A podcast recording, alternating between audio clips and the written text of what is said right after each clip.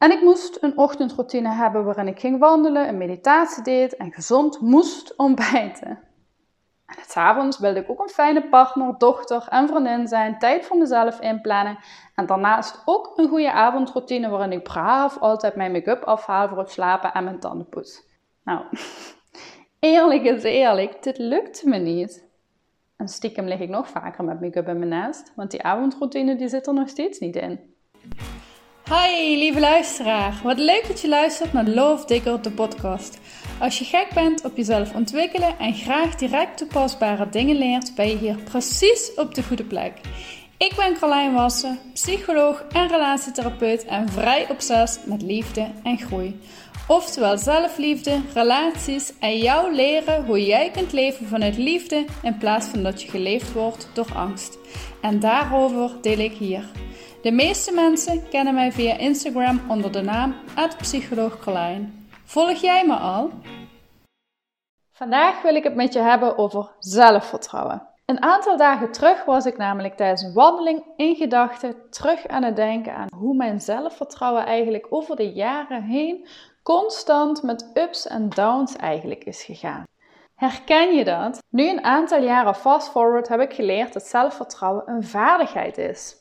Iets dat je kunt leren en kunt trainen. Net zoals een spier die je met krachttraining ook kunt versterken. Het is dan ook niet iets stabiels. Ik heb persoonlijk ervaren dat je nooit 100% helemaal zelfverzekerd voelt in elke situatie in je leven. Dat is dan wel ook een van mijn mindset shifts meteen. Waarbij ik vroeger dacht van ik wil mezelf verzekerd voelen in elke situatie. Zie ik dat nu meer als hey, dat maakt me onzeker. Dat is dus iets waar ik mijn zelfvertrouwen nog in kan laten groeien. Ene mindset was vroeger voor mij heel belemmerend. Van, ik voel me onzeker, dus ik ga het niet doen in die situatie. Terwijl ik nu merk, hey, wacht even, dat maakt me onzeker. Dus dat is iets waar ik mijn zelfvertrouwen nog in kan shiften, in kan groeien, in mag leren. De groeimindset. Het is dus ook niet meer mijn doel om altijd me vol zelfvertrouwen te voelen want dat gaat wat mij betreft dus ook gewoon niet. En ik zal het kort even uitleggen.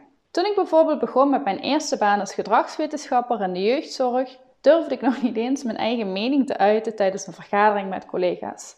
Ik had allemaal gedachten zoals: ik heb toch niks bij te dragen, ik kom net kijken, ik ben een groentje, ze nemen mij vast niet serieus. Allemaal gedachten in mijn hoofd. En ik voelde me vooral heel onzeker over mijn kennis en kunde. En dan als je dus over die drempel gaat van waar je voelt van, ik weet niet wat ik moet zeggen, ik vind het spannend om te zeggen, maar je gaat er dan toch overheen, dan boost je je zelfvertrouwen. Omdat je eigenlijk jezelf als feedback geeft intern: hey, ik kan omgaan met die zenuwen. Ik kan omgaan met die onzekerheid. En ik kies er toch voor om er doorheen te gaan. Zo bouw je zelfvertrouwen op. Was dat makkelijk? Absolutely not. Ik heb het ook echt eens over vijf jaar geleden. En nu ondertussen vijf jaar later run ik mijn eigen praktijk en kon ik dit alleen maar doen door juist op mijn eigen mening te vertrouwen en er vooruit te komen. En ik heb er dus heel veel van geleerd over de jaren heen. Alleen, nu ik mijn eigen praktijk run, zijn er weer nieuwe uitdagingen die mijn zelfvertrouwen op de proef stellen. Zoals een podcast opnemen, video's maken voor mezelf voor het online programma en mezelf zichtbaar maken online. Het is dus, en daarom val ik in herhaling, niet het doel dat je je altijd vol zelfvertrouwen kunt voelen. Want het is dus ook afhankelijk van de situatie. Daarom omschrijf ik het dus ook zo specifiek als een vaardigheid die je kunt blijven ontwikkelen. Afhankelijk van verschillende situaties en gebieden. Mogelijk voel jij je op je werk meer vertrouwd om over iets te praten dat je kent, dan dat je het hebt met een heel ander thema in bijvoorbeeld je relatie met je partner. Daar kun je je dus nog onzeker in voelen. Dat kan dus per situatie verschillend zijn. Het is niet zo dat het ontwikkelen van je zelfvertrouwen dan dus voltooid is of klaar is. Daarmee kom ik ook bij mijn allereerste tip hierover. En het is mogelijk een open deur waarvan je denkt, ja, pff, Carlijn, dit wist ik al. Zet een eerste stap richting hetgeen dat je spannend vindt. Doe iets out of your comfort zone. Doe wat je spannend vindt. Want zelfvertrouwen is, zoals het woord al zegt, op jezelf vertrouwen dat je iets kunt. Alleen iets wat nieuw is, iets wat out of your comfort zone is, is meestal iets wat je nog niet kunt. Want anders was het niet nieuw. Of was je er al comfortabel mee? Voelde je je daar niet onzeker bij? Dus het is begrijpelijk dat je zelfvertrouwen, en ik doe even met mijn vingers, dat kun je niet zien, maar zo haakjes van laag kan aanvoelen op momenten dat je voor een nieuwe uitdaging staat. Alleen wil dat niet zeggen dat je het dus niet moet doen. Want dan hou je het gevoel van, ik kan dit niet. Alla laag zelfvertrouwen zelf in stand. Dan geef je de angst de kracht. Terwijl als je de onzekerheid dus opmerkt en vanuit jezelf kiest, ik ga toch doen wat ik spannend vind, dan leer je ook op jezelf vertrouwen dat jij dat kunt dragen. Zelfvertrouwen kweken en versterken kun je als je iets gaat doen wat je nog mag leren wat je nog niet kunt. En een eerste stap kan heel klein zijn. Vaak willen we meteen veel te grote stappen zetten die zo overwhelming zijn, waardoor dat we het dus maar niet gaan doen. Toen ik bijvoorbeeld besloten had dat ik een eigen praktijk wilde openen, durfde ik dat in eerste instantie nog niet eens naar mijn omgeving te uiten. Die onzekerheid, die was te verlammend om dan in één keer aan iedereen dat te vertellen. Dus het kleine stapje wat ik deed, was het eerst voor mijzelf opschrijven, zodat ik eerst zelf leerde vertrouwen en wennen aan dat idee gewoon gaan erkennen. Begin dus klein. Een eerste stap te zetten richting hetgeen dat je spannend vindt. Je hebt het nodig om te leren en te groeien om zojuist je zelfvertrouwen op te bouwen. Ik vergelijk het ook wel vaker als toen we leerden fietsen. Dat gevoel nadat je twintig keer op je bakkes bent gegaan en je uiteindelijk zonder zijwieltjes twee meter vooruit komt zonder te vallen. Yay! Dat is een boost omdat je leert vertrouwen op jezelf dat je het kunt. Maar dat ging niet zonder die 20 keer vallen en opstaan. Je raakt pas vertrouwd met iets als je eraan went en je kunt er pas aan wennen als je het vaker geregeld gaat doen. Als je het dus niet doet vanwege faalangst, uitstelgedrag, kun je het ook niet leren en bouw je ook geen zelfvertrouwen op. Die angst probeert je veilig te houden om iets niet te doen, waardoor je dus ook geen positieve ervaring opdoet. En daarmee is het de angst die je zelfvertrouwen dus saboteert. Mijn tweede tip, en die is met name voor de perfectionisten die dit luisteren, van een oud ex-perfectionist hier. Bepaal zelf jouw lat vanuit je intuïtie en niet vanuit wat je denkt dat moet. Voorheen legde ik mijn lat altijd heel erg hoog. Ik moest gezond koken, ik moest mijn to-do-list afgewerkt hebben op het werk, die vaak al onhaalbaar was. En ik moest een ochtendroutine hebben waarin ik ging wandelen, een meditatie deed en gezond moest ontbijten. En het avonds wilde ik ook een fijne partner, dochter en vriendin zijn, tijd voor mezelf inplannen en daarnaast ook een goede avondroutine waarin ik braaf altijd mijn make-up afhaal voor het slapen en mijn tanden poets. Nou, Eerlijk is eerlijk, dit lukt me niet. En stiekem lig ik nog vaker met make-up in mijn nest, want die avondroutine die zit er nog steeds niet in. En het zit hem niet per se in dat het veel is op één dag. Nee, het zit hem in de hoge lat in de vorm van alle regeltjes die je jezelf oplegt. Het moeten. Want vaak heeft moeten namelijk een achterliggende drijfveer. Zoals de overtuiging, een vrouw hoort zich goed te verzorgen. Kijk naar al die reclames op tv bijvoorbeeld. Of een andere overtuiging, een vrouw hoort alle ballen hoog te kunnen houden. Werken, moeder zijn, partner zijn en ga zo maar door. Als we kijken naar de maatschappelijke normen, is dat echt wel veranderd met 50 jaar terug. Of een andere persoonlijke overtuiging. Ik moet bewegen, want dat is goed voor me. Dat is een voorbeeldje van interne druk.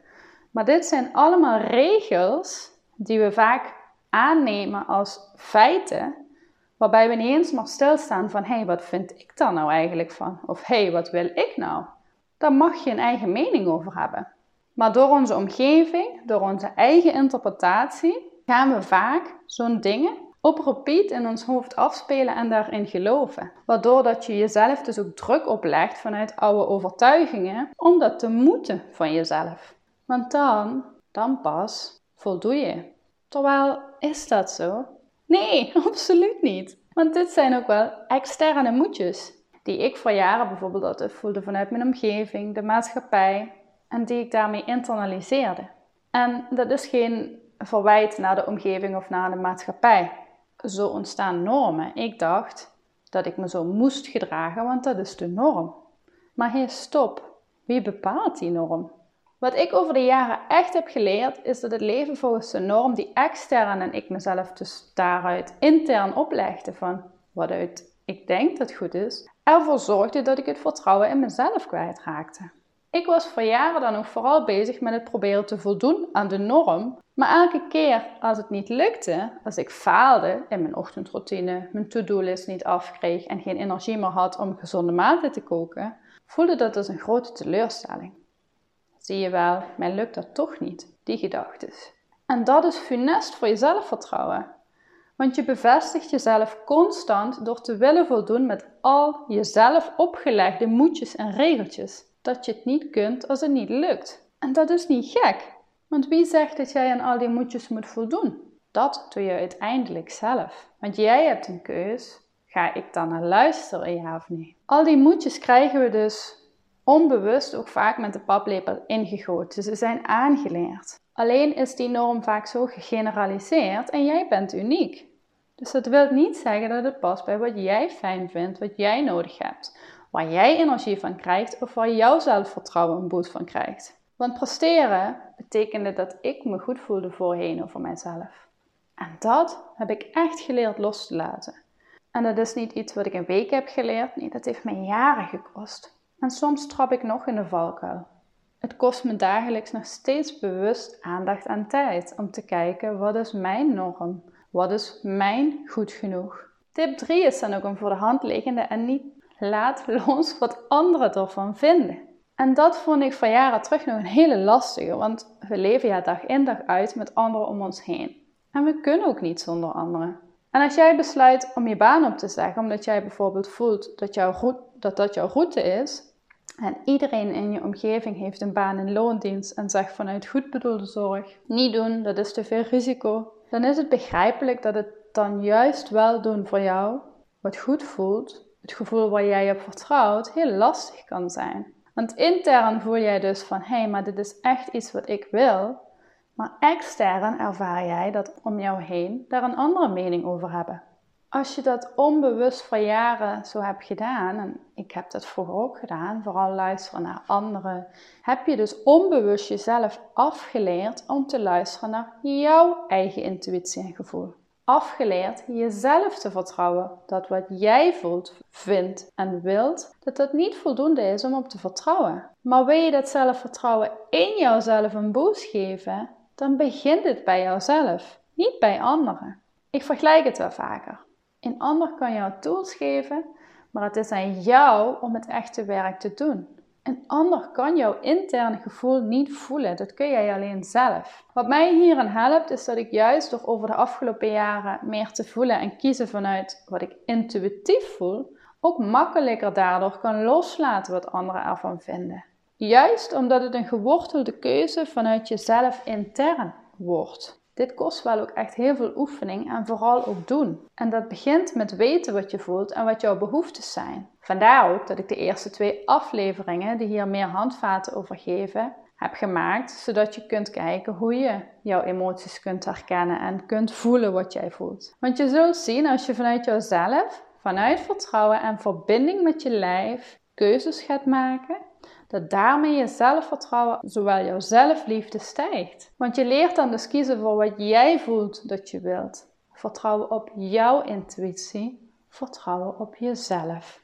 De laatste tip is: houd je aan afspraken met jezelf en wees realistisch. We kunnen een dag eigenlijk lastig plannen, want een dag kan vandaag heel anders zijn dan morgen. Denk hierbij aan hoe je hebt geslapen, je energieniveau, je stemming. Het kan allemaal beïnvloeden waarom jij je de ene dag lekkerder in je vel voelt dan de andere. Als je dan op beide dagen dezelfde lijst hebt aan wat je allemaal van jezelf moet, is dat niet realistisch. Want het is begrijpelijk dat op dagen dat we veel energie hebben meer gedaan krijgen dan op dagen dat je laag in je energie zit.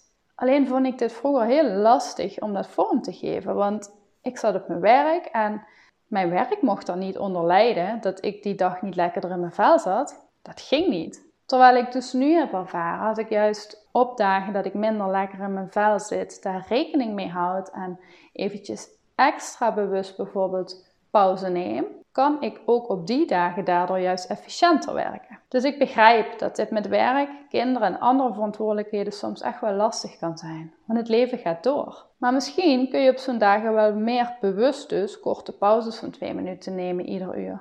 En jezelf de toestemming geven in ieder geval om minder te doen. Want daar begint het. Vaak geven we onszelf de toestemming niet om minder te mogen doen op dagen dat we ons minder lekker in ons vel voelen. Zoals we al eerder zagen, zijn die moedjes vaak zo hardnekkig dat je zo gewend bent hierna te leven dat niets doen geen optie lijkt. En ik herken het. Op de bank zitten terwijl de was in de droger zit te piepen dat die klaar is. Voorheen zou ik ook opstaan en het doen. En nu denk ik, wat heeft mijn lijf nu op dit moment nodig? En geef ik mezelf daar dus de toestemming voor. Oké, de was is klaar, maar ik ben moe. Ik blijf nu vijf minuten eventjes op de bank liggen.